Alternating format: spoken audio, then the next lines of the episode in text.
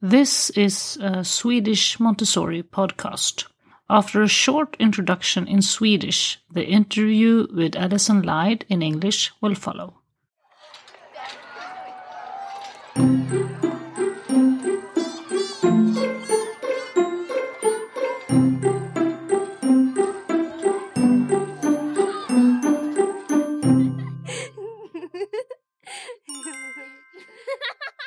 Idag i Montessori-podden ska ni få följa med till Kabul, Afghanistan.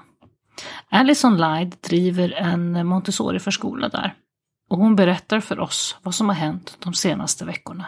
Men också bakgrunden till verksamheten och hur hon ser på framtiden för den. För er som hunnit lyssna på intervjun med Erika Moretti som kom ut precis innan sommaren så kommer ni nog, precis som jag gjorde, att tänka på det här med Maria Montessoris planer på The White Cross, att arbeta med krigsskadade barn. Det är Alison berättar om hur barnen i Kabul responderar på Montessori-pedagogiken i allmänhet och de praktiska övningarna i synnerhet, det är verkligen gripande. Och för er som känner att ni vill vara med och bidra till verksamheten så hittar ni alla länkar i texten som hör till avsnittet. Ehm, det vill säga om du kikar i din poddspelare så finns det lite text om avsnittet och där hittar du också alla länkar. Nu beger vi oss till Kabul, Afghanistan. Mitt eh, samtal med Allison är inspelat måndag den 30 augusti 2021. Det vill säga två veckor efter att talibanerna tog över staden. Maria Shaki heter jag och gör denna podcast för Montessori Sverige.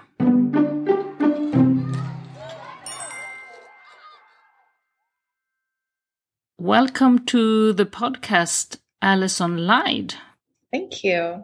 We are here today to talk about the Montessori preschool you run in Kabul, Afghanistan, and the story about how this came about uh, how that started and everything that you're doing in your really amazing uh, organization we will talk about today. But first, um, what happened uh, on the Sunday, the August 15th? Mm.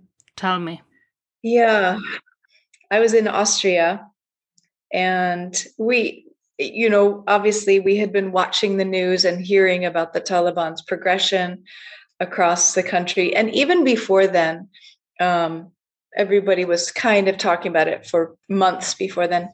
And I remember our teacher at one point, she said, It doesn't matter if the Taliban comes, we'll just put on our burqas and keep on going.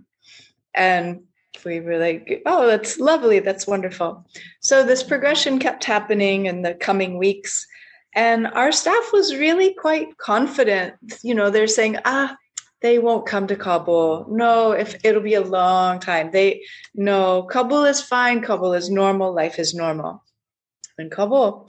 And then that Sunday, uh, we got up in in Austria to have our breakfast, and there's it's about two and a half hours ahead, and so we looked at our phones, and there was a voicemail from them, a voice message, where they said um, okay, we hear that the Taliban are almost coming into the city. We've called all the parents to come and pick up their students, their children, and we are going home.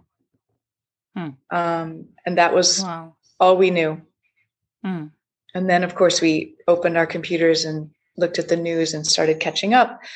Um, and so we tried to call them and they weren't answering. And we figured they were on the road we didn't know the situation. We didn't know if if there were taliban there maybe they were afraid to use their phones because of course the taliban didn't approve of phones before. Um, so we just sent messages said tell us when you're home call us when you're home.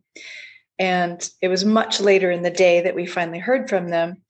And it turns out one of the teachers um, and i think maybe i won't say names just to be no. on the safe side. no, sure. Yeah yeah, yeah absolutely. Um, one of them said that all the taxis were jammed. There was just everybody was on the move. And she walked for three hours to get home.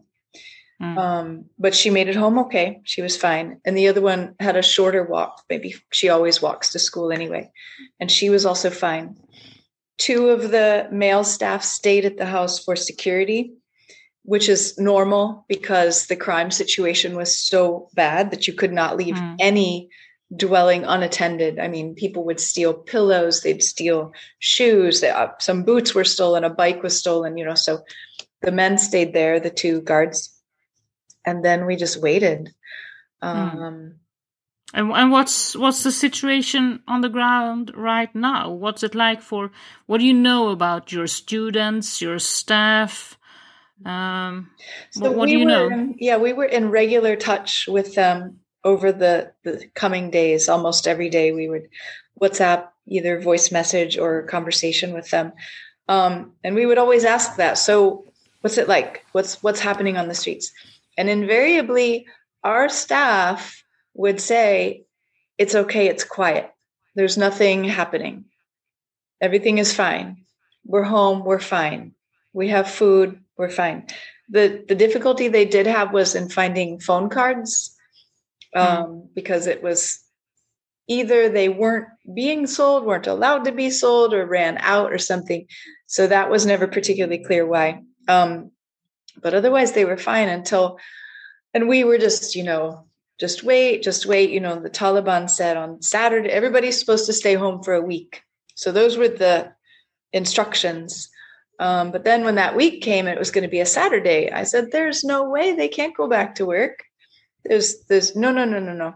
And so you know they agreed too. I said let's just wait a few days. Let's just see. It was just a waiting game just waiting mm. and waiting and waiting until finally this weekend they they felt safe enough to come across the city and they came to the school and had a meeting. Finally all, the whole staff was there got all together saw everybody. This was the men and the women and mm. two staff from our partner our afghan partner ngo mm. called Hewad. They were also there to start to strategize and talk about ne- next steps. Now, in the meantime, mm. about the children, the children had gone home. And mm. while the teachers were at home, I was asking them, Are you in touch with the families? Well, she didn't have the phone numbers in her phone. No. So she couldn't be in touch with them because the numbers were at the school. Um, so the guys at the school said they had not seen any of the families. You know, nobody was going out. Mm. Um, but there wasn't any action or anything they noticed in the neighborhood. So they had this meeting and they decided it's still too unclear. The Taliban is telling everybody going to go back to work, but they've not been clear about the rules with men and women working in proximity. And because our school has both, we want to be very, very clear on that. And also the student body, I imagine. Exactly. I mean, they're three, four, five year olds uh, hmm. They often are kind of under the radar when it comes to gender issues, but but you're right, we don't know that either. Hmm. Um, so we're we're basically packing things up because our house rent or contract rather is up in just a few weeks and it may not be clear by then. So we're just kind of consolidating and we might have a temporary location, but we we really don't we can't really do anything until this work uh, policy is made clear. Hmm. Yeah, and then then they're ready. They're ready to open back up. It'll unless it's in the same neighborhood, it'll be with a different group of children. And this is going to be then the third time because we've already moved once. And hmm. that's not ideal in Montessori, of course, no, you know. But course. every little bit, you know, everybody, every little bit of exposure, every time, you know, children meet other children from other backgrounds and meet other adults and have these enriching um, experiences in a Montessori environment, even if it's just for a few months, it's better than nothing, you know? Sure, sure. So our staff is so dedicated, so strong. They are the heroes, you know? Hmm. They hmm. know there's work to be done. They're not giving up. If we back up a little bit and start from the beginning, this school Garden of Flowers, it's called. Mm-hmm. It did not start as a school, but as an orphanage, mm-hmm. right? Mm-hmm. That's right. How how did that come about? I was originally a, a traditional math and science teacher, and it was lovely and it, fine, and I loved it. Um, but after I was, I taught four years in the States, and then I was in Nepal, and I was in the Peace Corps, and then I was teaching at the international school. And around that time, I became quite disillusioned um, with traditional education. And that's when I learned about Montessori education mm. and how much it feeds the inner growth of children um, rather than just the brain. You know, it's really about the heart and the connections.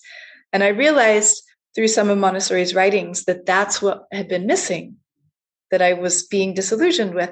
So I was reading everything I could get my hands on about Montessori education, about freedom, about concentration, about the absorbent mind and planes of development, um, just on my own. But because it was about the development of of the person and my interpretation of it was that because of freedom children um, stay in touch with their inner voice Whereas in traditional education, you know, from age five or six, they have they're told where to sit and what to work on and when to work on it and how to do it and who to do it with and how long to work on it. The the collapse of freedom hmm. with traditional education, in my mind, at the time as I was reading this, meant that children lost they couldn't hear their inner voice anymore. And then that leads to weakness. Hmm. And so at the same time, my husband began going to Pakistan to work in Afghan refugee camps. This was during the Taliban. So this is 19, no, this is 2000 and 2001. And he would come back with these stories of these massive refugee camps, 100,000 people, and children just sitting in the dirt. He's, and he and he's a doctor, right? Mm-hmm. He's a mm. doctor. Mm-hmm. Mm-hmm. And um, and so these came together, and I thought, you know, this is what these children who have been traumatized, who have been through so much upheaval, that's what they need. It's not just about they need literacy. They need they need to to get back in touch with their soul and their own resilience. So my big thing was refugee camps need Montessori schools. Hmm. And I was all excited about that, but I knew nothing about the politics of refugee camps um, and how difficult that would really be. And plus, I wasn't trained. I didn't even know what that would mean. So eventually we left Nepal a year or so later and went to Afghanistan because we both felt this pull towards Afghanistan. We didn't know why. Hmm. And it was after the Taliban left. So safe. And I got a job with UNICEF. And within about three months, we were there. And my husband came home one night and he said, You know, we could get a house, rent a house, and take in orphans. And that could be your Montessori refugee school. Hmm and he's the kind of person who just makes things happen.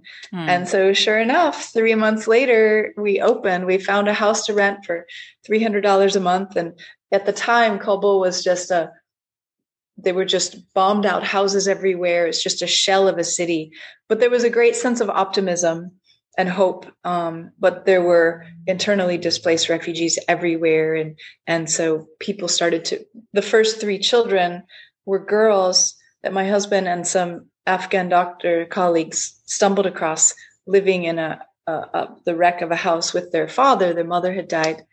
And so they were our first children at the House of Flowers. Hmm. So that then grew into a house. And um, our Afghan partners introduced this Afghan teacher, young woman, bright, sharp. And I explained Montessori as best as I understood it. And she just got it. And we just built this place based on Montessori principles. Hmm. Um, and she was fantastic. And the whole staff, you know, really had a lot of learning to do about different ways to deal with children and everything. And we just found materials, we made materials, we did math with kidney beans, and I mean, just anything we could come up with. Um, and so the hmm. next year, I went to, I got my training in Bergamo. So I got my mm. elementary certificate. And I came back then. And then I was able to really teach the teachers mm, you mm. know the three period lesson and and the great stories and so we did all of that because it was multi-age it was it was a huge family it was boys and girls it was from age 3 to at the time about age 9 mm. and so we just did it all mm. How, how many children did you have at the time? Uh, it grew until we had about 25 to 30, and it would mm. kind of fluctuate. Sometimes people would come and go or come for a short time and go. So it was an orphanage where integrated with school and daycare all in one. Exactly, exactly, mm. because it was 24 hours. They lived there, obviously. Yeah. And so they were involved in all aspects of life. They helped with the cooking, they set the table, they cleaned up, they they cleaned around they all had responsibilities. They designed committees. The teachers were fantastic. They had they had a celebrations committee, they had a uh, organization and discipline committee. They had a finance committee, and the kids all had their own little bank accounts, and they made a little shop and made things and sold them to visitors that would come.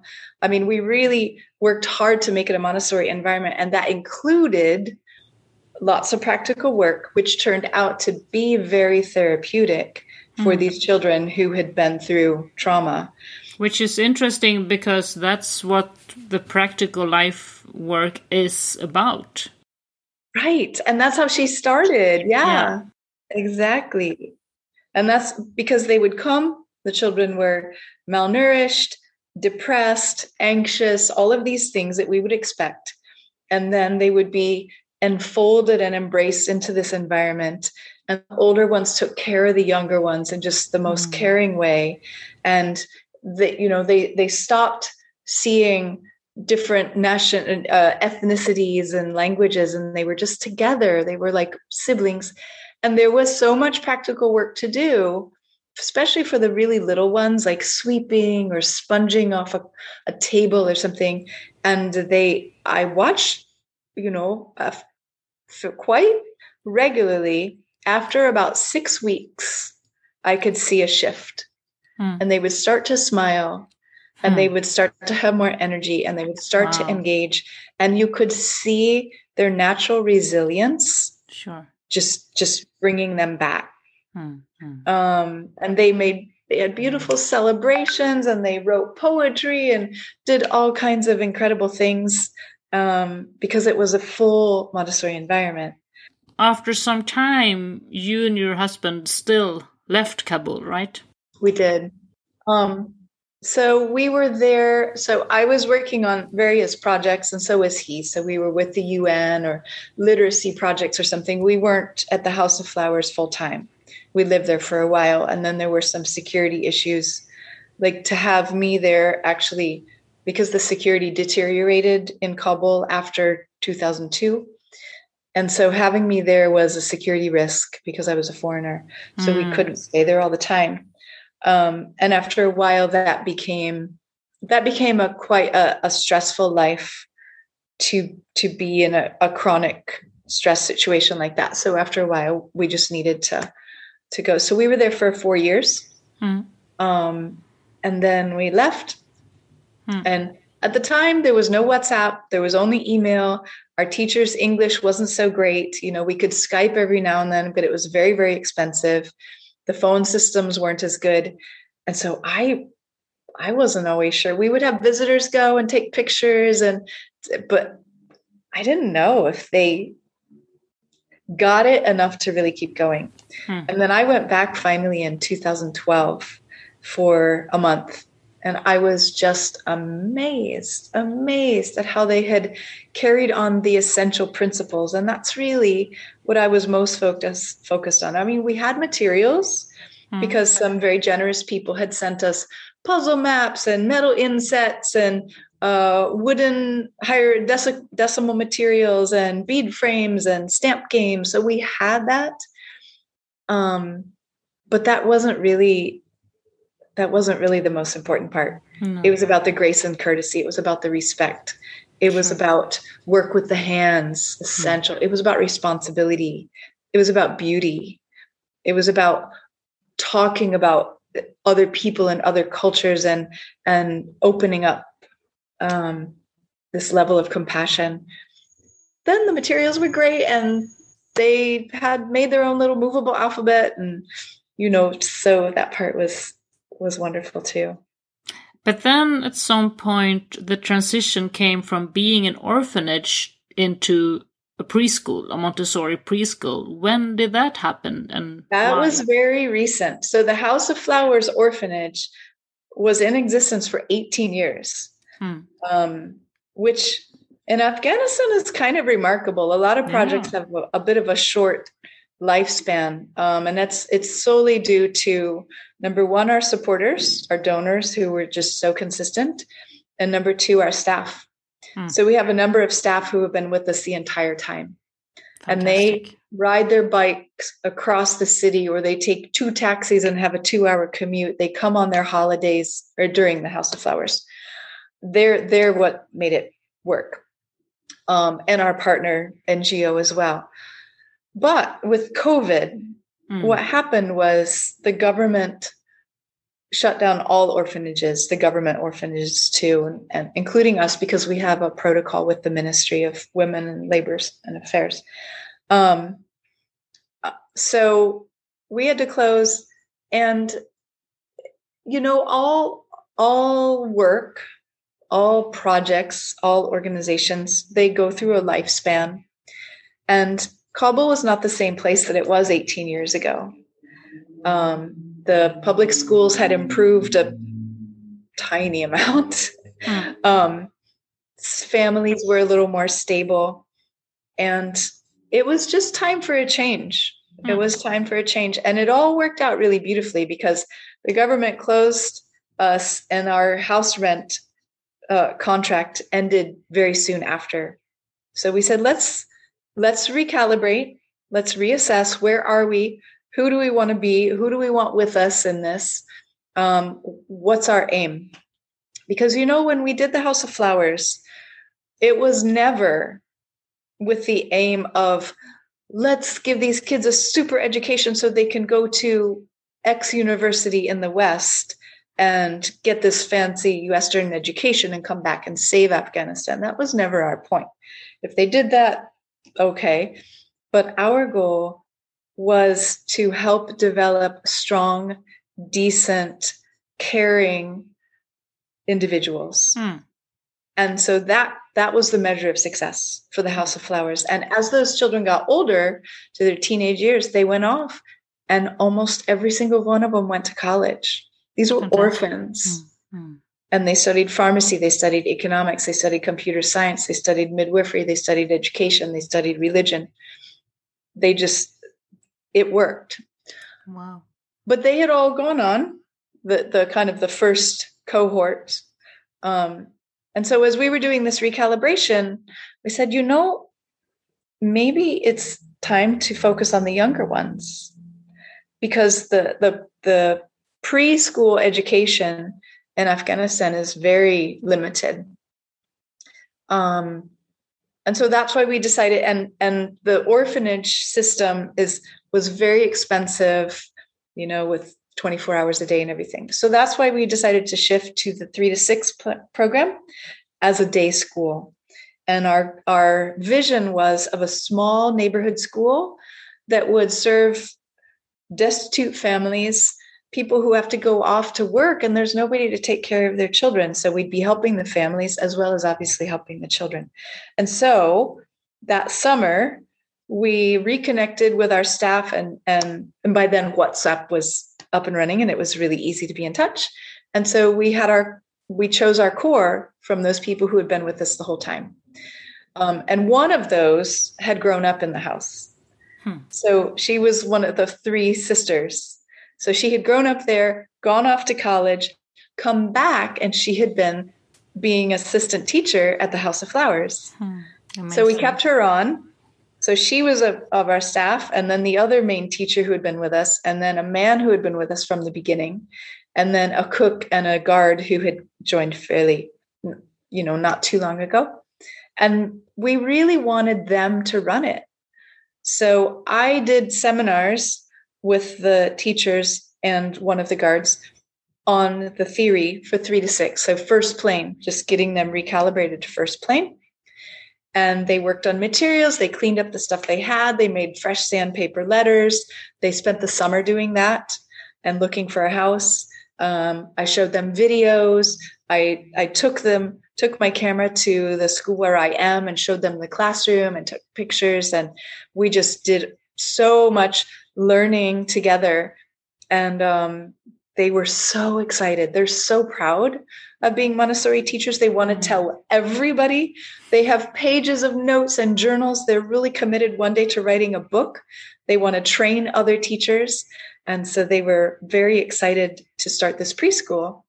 And it was an adjustment having all younger ones, mm. but they were phenomenal. And the growth in these children, and then the families that would come and say, What are you doing?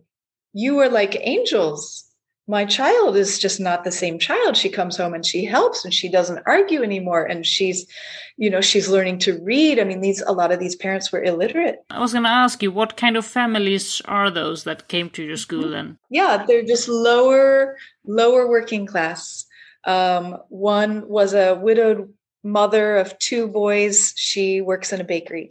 Um, one was a guard at a building somewhere. One is a cleaner in people's homes. You know it's that it's that kind of mm, um, mm, mm. demographic. So how can it and this was a year ago when the right, new this, schools exactly. It started last september. What's the everyday life like at a school under these circumstances you were talking about practical life exercises etc what i mean as a montessori teacher from the western world what what's different uh, in a school like that?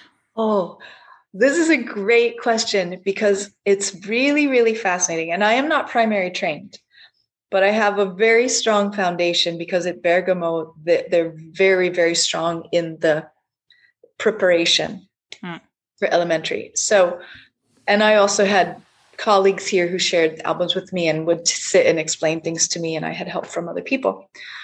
Um, but what I often heard from colleagues in Western schools was that you know they had trouble getting their their um, primary their first plane students they wouldn't concentrate or they jump from activity or you know work to work or found stuff boring this kind of thing and i'll tell you what these children in afghanistan i would the teachers took videos of them for example doing the constructive triangles and they would actually trace the black lines with their with their fingers. And i had colleagues watch the videos and say oh, i've never seen a child do that. So the afghan children were enthralled with the materials. They were captivated. They were so precise in their movements they were so authentic in their concentration and again i'm not a primary guide and i know that happens everywhere. But what I heard from experienced three to six guides was that the level of um, interest was very, very high. And I don't know if it's because these children don't have iPads, mm. they don't have phones, they don't have TVs. You know, a constructive triangle is a fascinating thing mm. if you if you're not in a very stimulating environment mm. and and then the there were children who came that our teachers thought were either semi retarded disabled or you know had some sort of developmental disability or something and after working with the materials after eating nutritious meals they they they transformed they changed. So so it's basically like san lorenzo all over again. Exactly. And we saw it over and over and over. And we also the the teachers gave them um, you know worms as an issue so they gave them more medicine or sometimes somebody would have health issues and you know so they they supported the families as well. And mm-hmm. again these super nutritious meals and the children would have breakfast. They'd often they'd come and brush their teeth sometimes even take baths there um, and then nutritious lunch and then they'd have a really nutritious um, snack. So they got stronger and healthier and what uh, happens now do you think what do you see for the future i'm thinking about this like we said mixed the mixed gender among both staff mm-hmm. and students um, do you have any Hazaras among your yeah. students what what will happen with them what what are your thoughts about the future yeah. well all of this has been um, quite surreal you know the the past two weeks and and my own process of trying to accept what has happened and get my head around it um, has been quite dizzying like mm. times where i would try to remember back to those whatsapp calls or those videos or you know the children and doing all this work and these lovely days and it's as if it's as if it barely even happened it's already feels mm. so distant mm.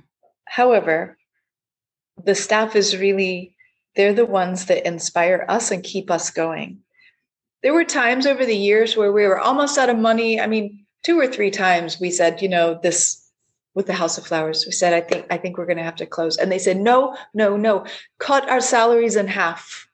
We mm. will hmm. take a half pay cut, but please don't close this place. Every mm. Afghanistan needs it. The children need it. So they wouldn't let us. mm.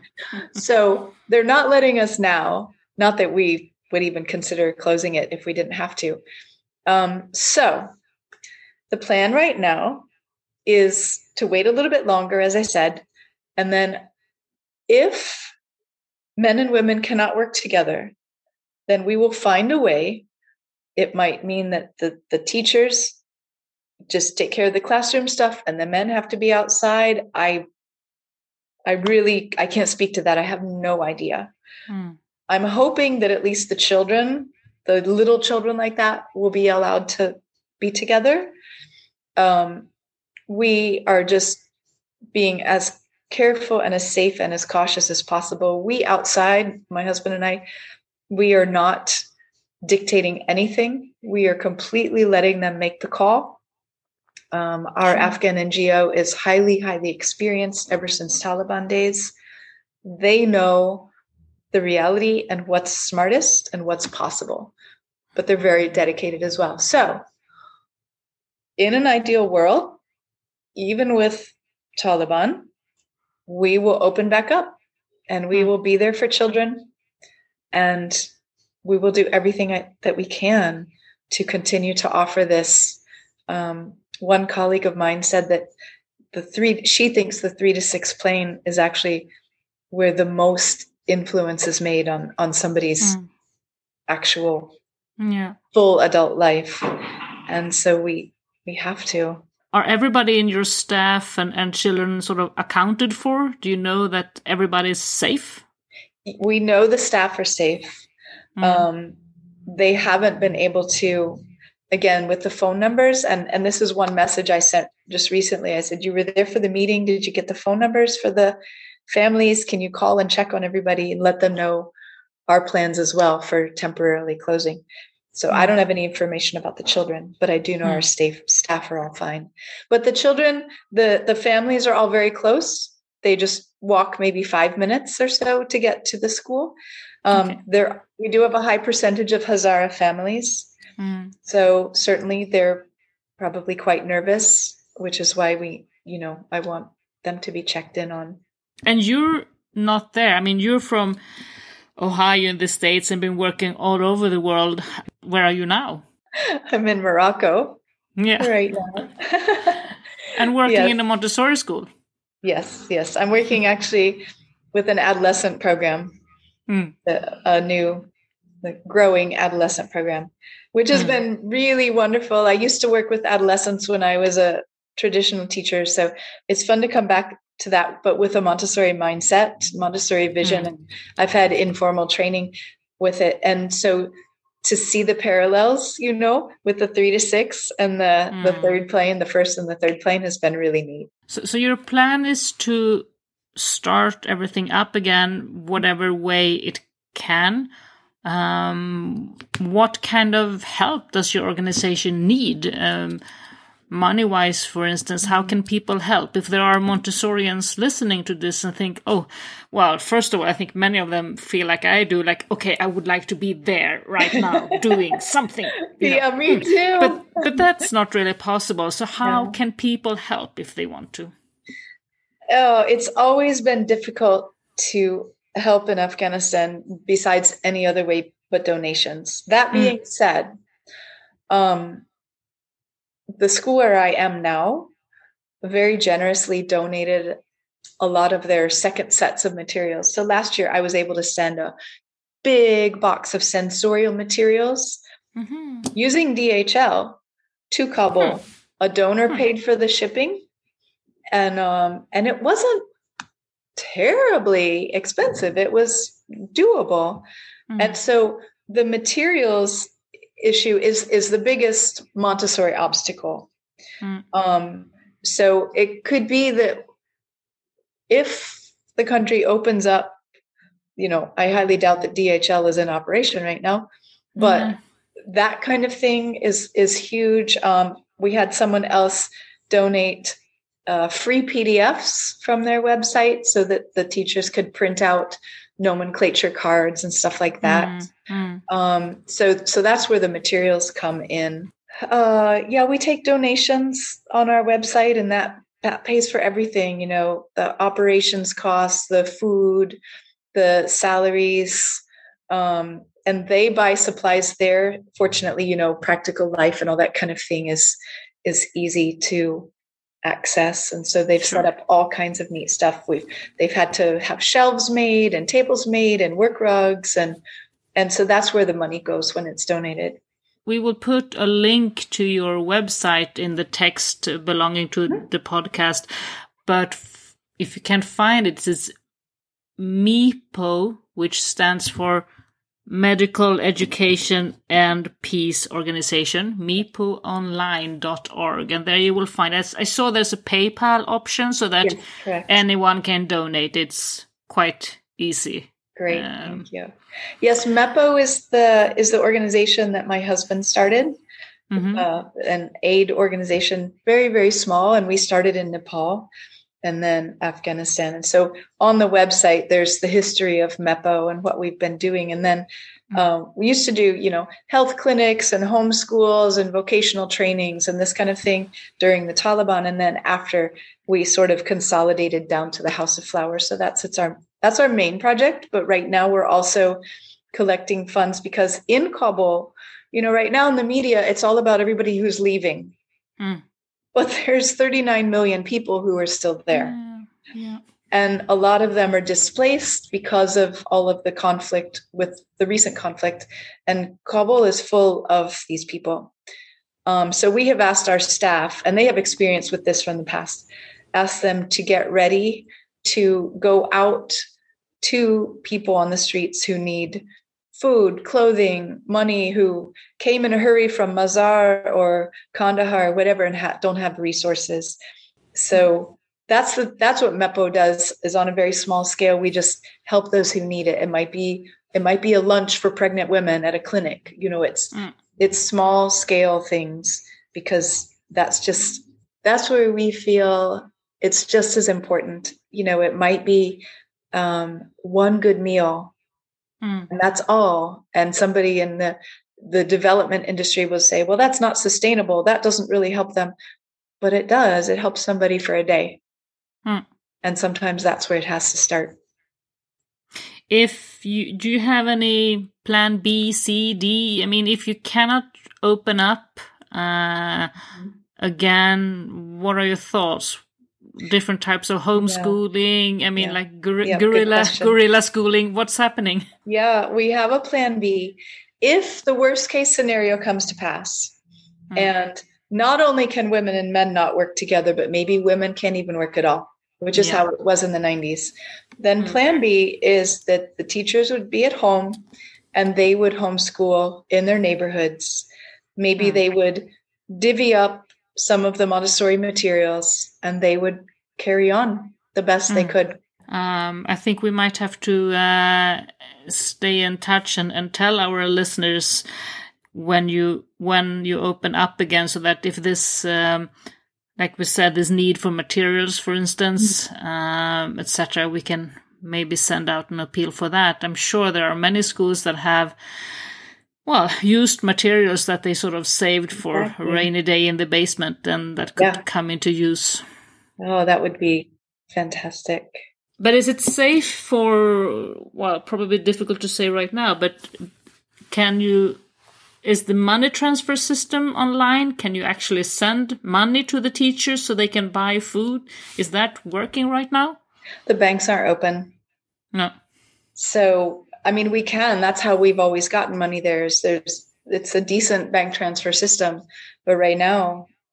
They can't get anything. They do have money right now because we always obviously send enough for a few months worth of the budget. Mm. So they have money. I mean, number one, the salaries are due at the end of the month. Number two, they need money to be able to help these people on mm. the streets. And then one, you know, once the banks are open, then we can send the money that has been donated. But right now, everything is frozen, mm, mm. which is really, really, I mean, it's an understatement to say it's stressful yeah. because the ATMs are emptied and people can't get money no. in Kabul. So, no. and buy food. Exactly. Exactly. So they were even saying that the, the men who have been at the Garden of Flowers, the guards for the past two weeks, they've just been eating the food that had been stored there for the children's lunches.